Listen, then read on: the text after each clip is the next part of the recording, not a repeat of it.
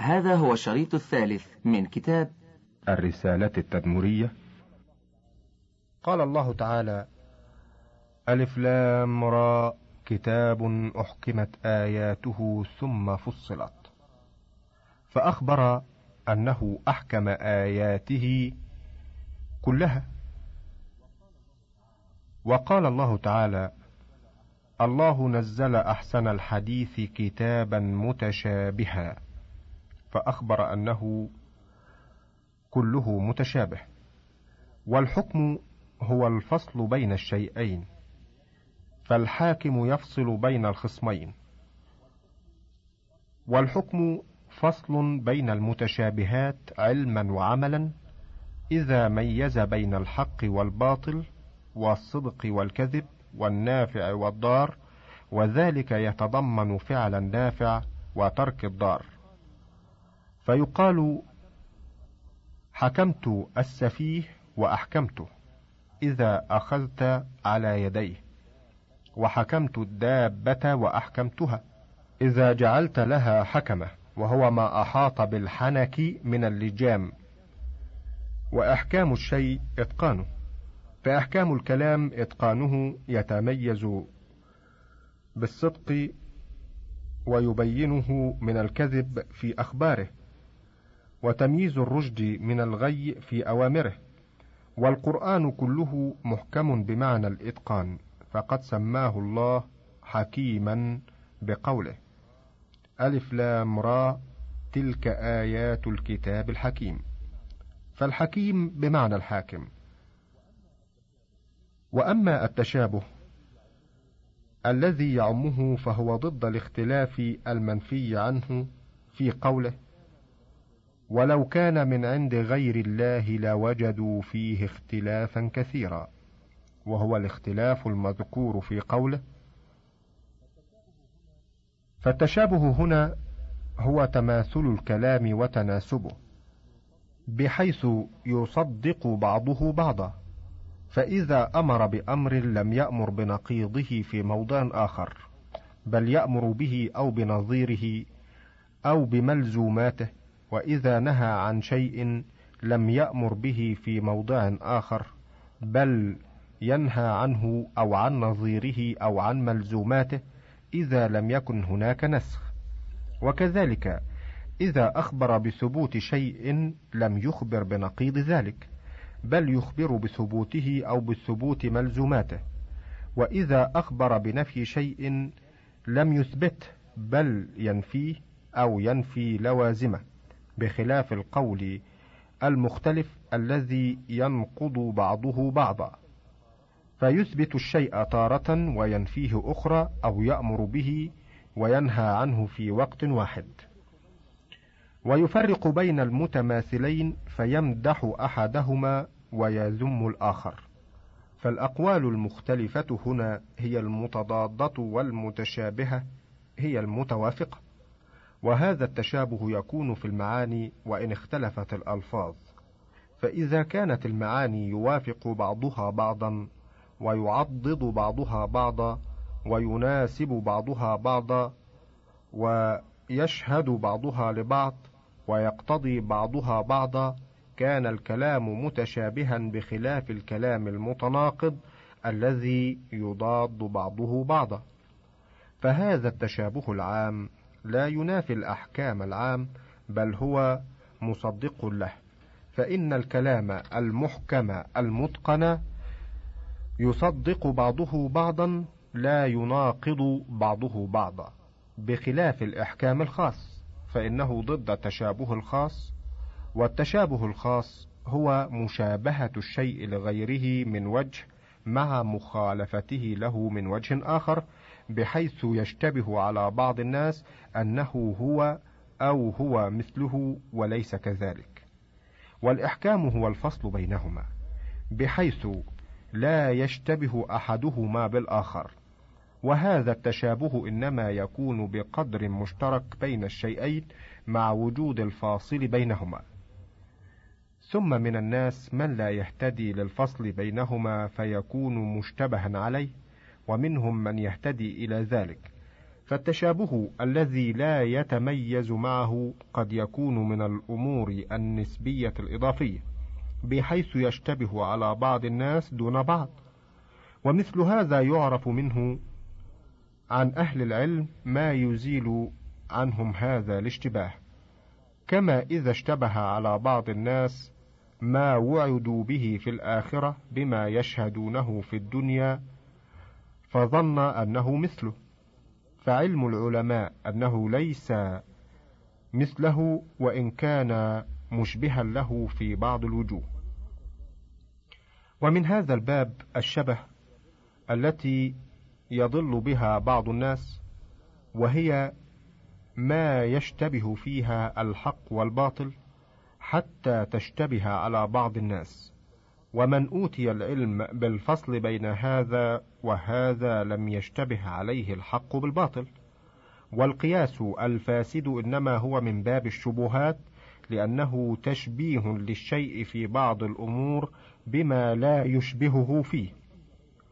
فمن عرف الفصل بين الشيئين اهتدى للفرق الذي يزول به الاشتباه والقياس الفاسد وما من شيئين الا ويجتمعان في شيء ويفترقان في شيء فبينهما اشتباه من وجه وافتراق من وجه فلهذا كان ضلال بني آدم من قبل التشابه والقياس الفاسد لا ينضبط كما قال الامام احمد أكثر ما يخطئ الناس من جهه التاويل والقياس فالتاويل في الادله السمعيه والقياس في الادله العقليه وهو كما قال والتأويل الخطأ إنما يكون في الألفاظ المتشابهة والقياس الخطأ إنما يكون في المعاني المتشابهة. وقد وقع بنو آدم في عامة ما يتناوله هذا الكلام من أنواع الضلالات، حتى آل الأمر إلى من يدعي التحقيق والتوحيد والعرفان منهم، إلى أن اشتبه عليهم وجود الرب بوجود كل موجود، فظنوا أنه هو، فجعلوا وجود المخلوقات عين وجود الخالق مع أنه لا شيء أبعد عن مماثلة شيء وأن يكون إياه أو متحدا به أو حالا فيه من الخالق مع المخلوق. فمن اشتبه عليه وجود الخالق بوجود المخلوقات كلها حتى ظنوا وجودها وجوده فهم أعظم الناس ضلالا من جهة الاشتباه. وذلك أن الموجودات تشترك في مسمى الوجود. فرأوا الوجود واحدا ولم يفرقوا بين الواحد بالعين والواحد بالنوع. وآخرون توهموا أنه إذا قيل الموجودات تشترك في مسمى الوجود لزم التشبيه والتركيب. فقالوا لفظ الوجود مقول بالاشتراك اللفظي فخالفوا ما اتفق عليه العقلاء مع اختلاف أصنافهم من أن الوجود ينقسم إلى قديم ومحدث ونحو ذلك من أقسام الموجودات. وطائفة ظنت أنه إذا كانت الموجودات تشترك في مسمى الوجود لزم أن يكون في الخارج عن الأذهان موجود مشترك فيه، وزعموا أن في الخارج عن الأذهان كليات مطلقة، مثل وجود مطلق وحيوان مطلق وجسم مطلق ونحو ذلك فخالفوا الحس والعقل والشرع وجعلوا ما في الأذهان ثابتا في الأعيان وهذا كله من نوع الاشتباه. ومن هداه الله فرق بين الأمور وإن اشتركت في بعض الوجوه. وعلم ما بينهما من الجمع والفرق والتشابه والاختلاف وهؤلاء لا يضلون بالمتشابه من الكلام لأنهم يجمعون بينه وبين الحكم الفارق الذي يبين ما بينهما من الفصل والافتراق. وهذا كما أن لفظ إن ونحن وغيرهما من صيغ الجمع يتكلم بها الواحد له شركاء في الفعل ويتكلم بها الواحد العظيم الذي له صفات تقوم كل صفة مقام واحد وله أعوان تابعون له لا شركاء له. فإذا تمسك النصراني بقوله تعالى إنا نحن نزلنا الذكر ونحوه على تعدد الآلهة كان المحكم كقوله تعالى وإلهكم إله واحد. ونحو ذلك مما لا يحتمل إلا معنى واحد يزيل ما هناك من الاشتباه. وكان ما ذكره من صيغة الجمع مبينا لما يستحقه من العظمة والأسماء والصفات وطاعة المخلوقات من الملائكة وغيرهم. وأما حقيقة ما دل عليه ذلك من حقائق الأسماء والصفات وما له من الجنود الذين يستعملهم في أفعاله فلا يعلمهم إلا هو. وهذا من تأويل المتشابه الذي لا يعلمه إلا الله بخلاف الملك من البشر إذا قال قد أمرنا لك بعطاء فقد علم أنه هو وأعوانه مثل كاتبه وحاجبه وخادمه ونحو ذلك أمروا به. وقد يعلم ما صدر عنه ذلك الفعل من اعتقاداته وإراداته ونحو ذلك والله سبحانه وتعالى لا يعلم عباده الحقائق التي أخبر عنها من صفاته وصفات اليوم الآخر ولا يعلمون حقائق ما أراد بخلقه وأمره من الحكمة ولا حقائق ما صدرت عنه من المشيئة والقدرة. وبهذا يتبين أن التشابه يكون في الألفاظ المتواطئة كما يكون في الألفاظ المشتركة التي ليست بمتواطئة.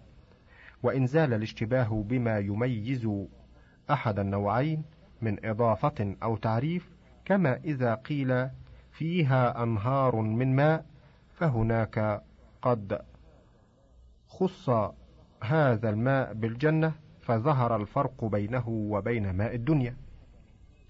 لكن حقيقة ما امتاز به ذلك الماء غير معلوم لنا وهو مع ما أعده الله لعباده الصالحين مما لا عين رأت ولا أذن سمعت ولا خطر على قلب بشر من التأويل الذي لا يعلمه إلا الله. وكذلك مدلول أسمائه وصفاته الذي يختص بها التي هي حقيقة لا يعلمها إلا هو ولهذا كان الأئمة كالإمام أحمد وغيره ينكرون على الجهمية وأمثالهم من الذين يحرفون الكلم عن مواضعه. تأويل ما تشابه عليهم من القرآن على غير تأويله كما قال أحمد في كتابه الذي صنفه في الرد على الزنادقة والجهمية فيما شكت فيه من متشابه القرآن وتأولته على غير تأويله. وإنما ذمهم لكونهم تأولوه على غير تأويله وذكر في ذلك ما يشتبه عليهم معناه. وإن كان لا يشتبه على غيرهم وذمهم على أنهم تأولوه على غير تأويله ولم ينفي مطلق لفظ التأويل كما تقدم من أن لفظ التأويل يراد به التفسير المبين لمراد الله به فذلك لا يعاب بل يحمد. ويراد بالتأويل الحقيقة التي استأثر الله بعلمها فذاك لا يعلمه إلا هو وقد بسطنا هذا في غير هذا الموضع. ومن لم يعرف هذا اضطربت أقواله. مثل طائفة يقولون إن التأويل باطل وأنه يجب إجراء اللفظ على ظاهره. ويحتجون بقوله تعالى وما يعلم تأويله إلا الله. ويحتجون بهذه الآية على إبطال التأويل.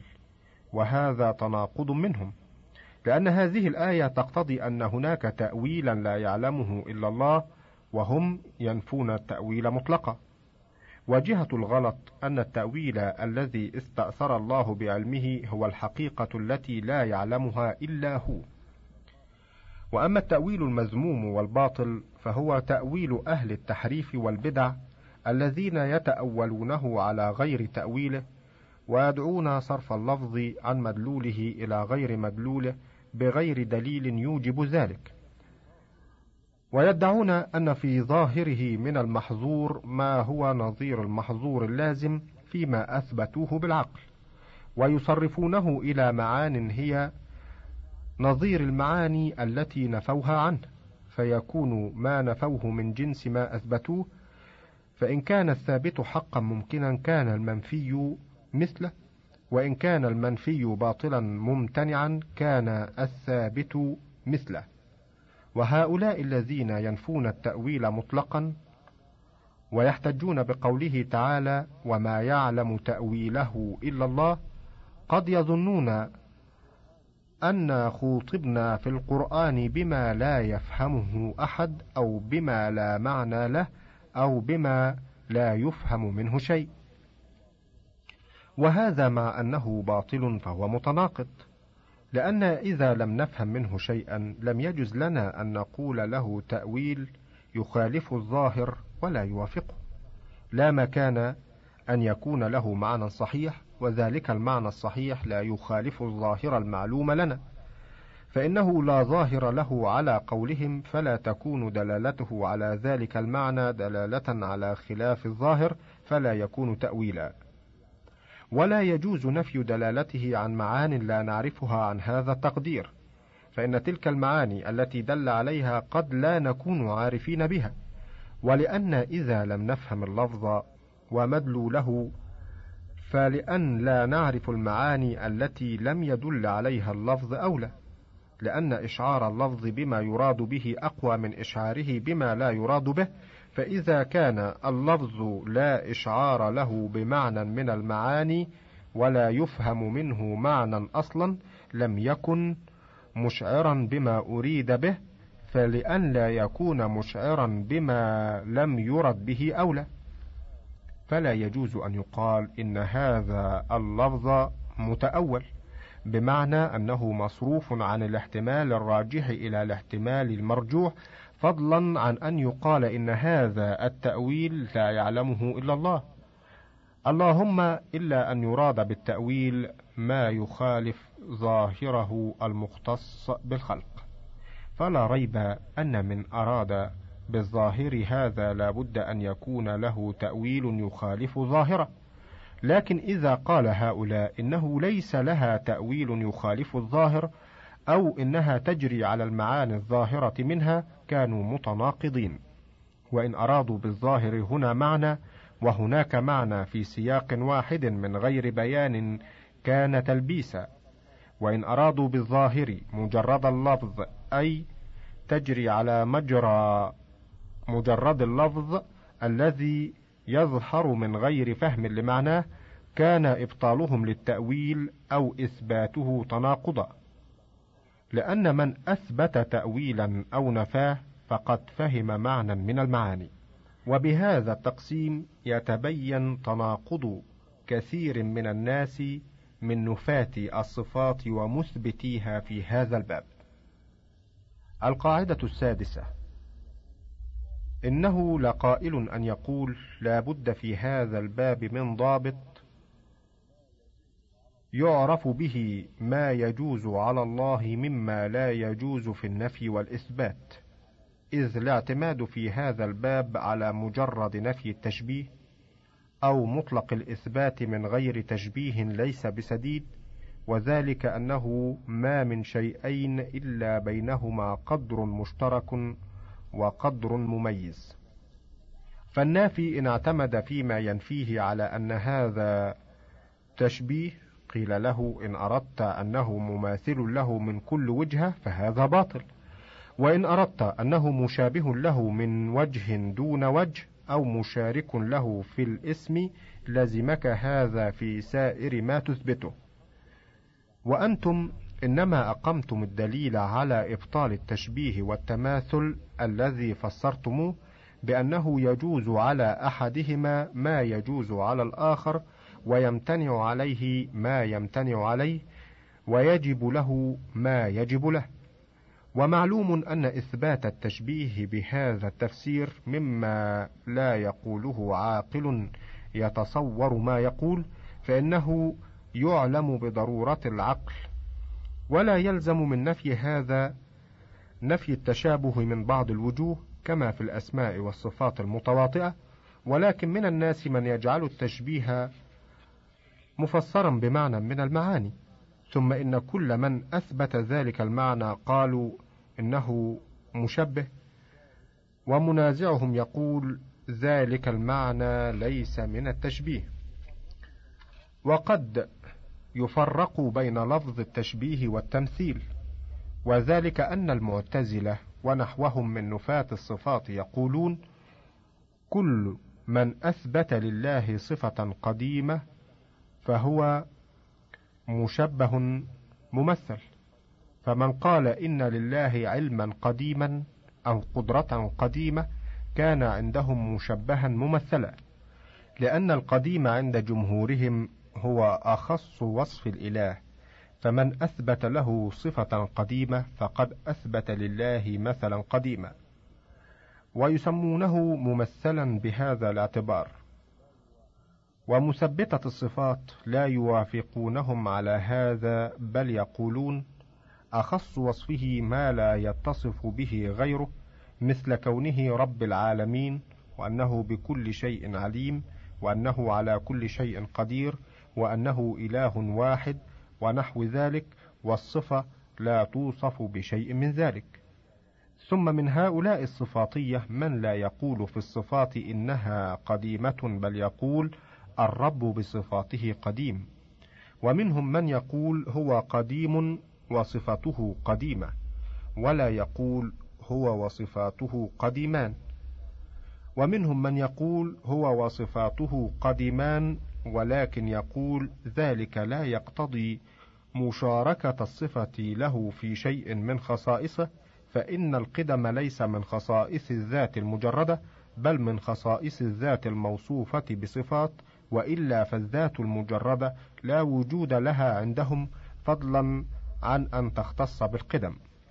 وقد يقولون الذات متصفة بالقدم والصفات متصفة بالقدم وليست الصفات إلها ولا ربا كما أن النبي محدث وصفاته محدثة وليست صفاته نبيا فهؤلاء إذا أطلقوا على الصفاتية اسم التشبيه والتمثيل كان هذا بحسب اعتقادهم الذي ينازعهم فيه أولئك ثم تقول لهم أولئك هب أن هذا المعنى قد يسمى في اصطلاح بعض الناس تشبيها فهذا المعنى لم ينفه عقل ولا سمع وإنما الواجب نفي ما نفته الأدلة الشرعية والعقلية.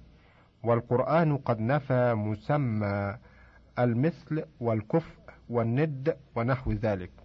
ولكن يقولون الصفة في لغة العرب ليست مثل الموصوف ولا كفؤه ولا نده فلا يدخل في النص.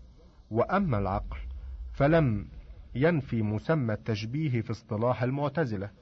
وكذلك أيضا يقولون إن الصفات لا تقوم إلا بجسم متحيز والأجسام متماثلة فلو قامت به الصفات للزم أن يكون مماثلا لسائر الأجسام وهذا هو التشبيه.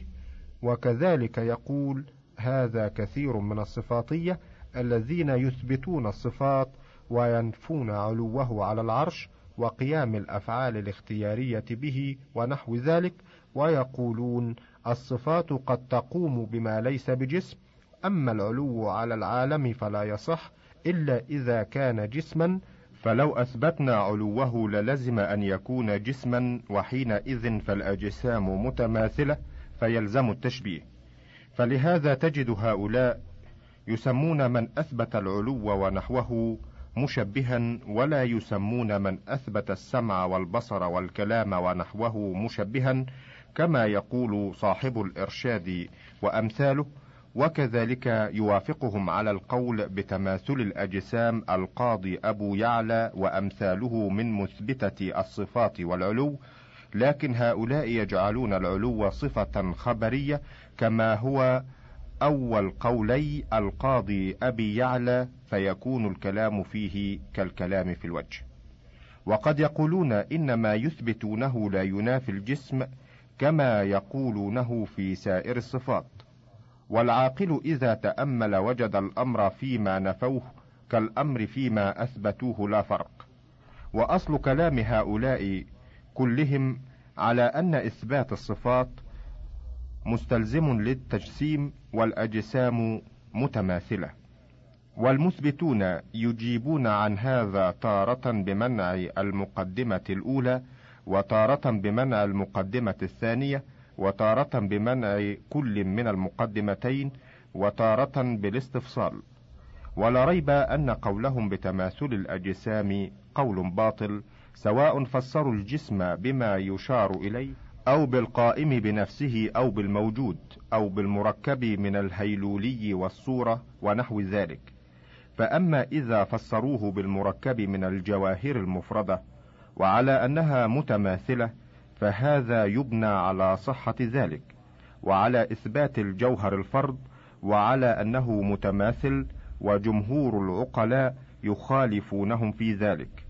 والمقصود هنا أنهم يطلقون التشبيه على ما يعتقدونه تجسيما بناء على تماثل الأجسام والمثبتون ينازعونهم في اعتقادهم كإطلاق الرافضة النصب على من تولى أبا بكر وعمر رضي الله عنهما بناء على أن من أحبهما فقد أبغض عليا رضي الله عنه ومن أبغضه فهو ناصبي. وأهل السنة ينازعونهم في المقدمة الأولى ولهذا يقول هؤلاء إن الشيئين لا يشتبهان من وجه ويختلفان من وجه وأكثر العقلاء على خلاف ذلك. وقد بسطنا الكلام على هذا في غير هذا الموضع. وبينا فيه حجج من يقول بتماثل الأجسام وحجج من نفى ذلك وبينا فساد قول من يقول بتماثلهما. وأيضا فالاعتماد بهذا الطريق على نفي التشبيه اعتماد باطل وذلك أنه إذا أثبت تماثل الأجسام فإنهم لا ينفون ذلك إلا بالحجة التي ينفون بها الجسم. وإذا أثبت أن هذا يستلزم الجسم وثبت امتناع الجسم كان هذا وحده كافيا في نفي ذلك. لا يحتاج نفي ذلك إلى نفي مسمى التشبيه. لكن نفي التجسيم يكون مبنيا على نفي هذا التشبيه بأن يقال لو ثبت له كذا وكذا لكان جسما. ثم يقال والأجسام متماثلة فيجب اشتراكها فيما يجب ويجوز ويمتنع وهذا ممتنع عليه. لكن حينئذ يكون من سلك هذا المسلك معتمدا في نفي التشبيه على نفي التجسيم فيكون أصل نفيه نفي الجسم وهذا مسلك آخر سنتكلم عليه إن شاء الله. وإنما المقصود هنا أن مجرد الاعتماد في نفي ما ينفى على مجرد نفي التشبيه لا يفيد إذ ما من شيئين يشتبهان من وجه ويفترقان من وجه بخلاف الاعتماد على نفي النقص والعيب ونحو ذلك مما هو سبحانه مقدس عنه فإن هذه طريقة صحيحة. وكذلك إذا أثبت له صفات الكمال ونفى مماثلة غيره له فيها فإن هذا نفي المماثلة فيما هو مستحق له وهذا حقيقة التوحيد. وهو أن لا يشركه شيء من الأشياء فيما هو من خصائصه. وكل صفة من صفات الكمال فهو متصف بها على وجه لا يماثله فيه أحد.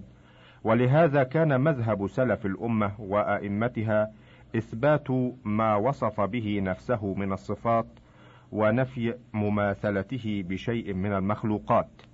فإن قيل إن الشيء إذا شابه غيره من وجه جاز عليه ما يجوز عليه من ذلك الوجه ووجب له ما وجب له وامتنع عليه ما امتنع عليه.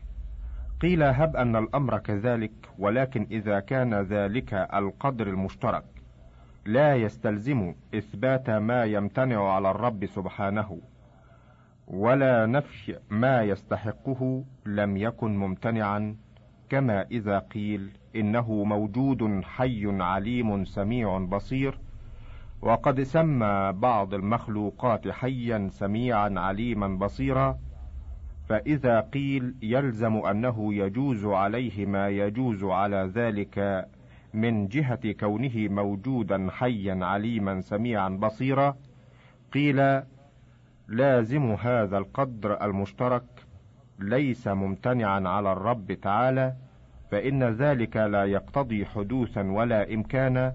ولا نقصا ولا شيئا مما ينافي صفات الربوبية.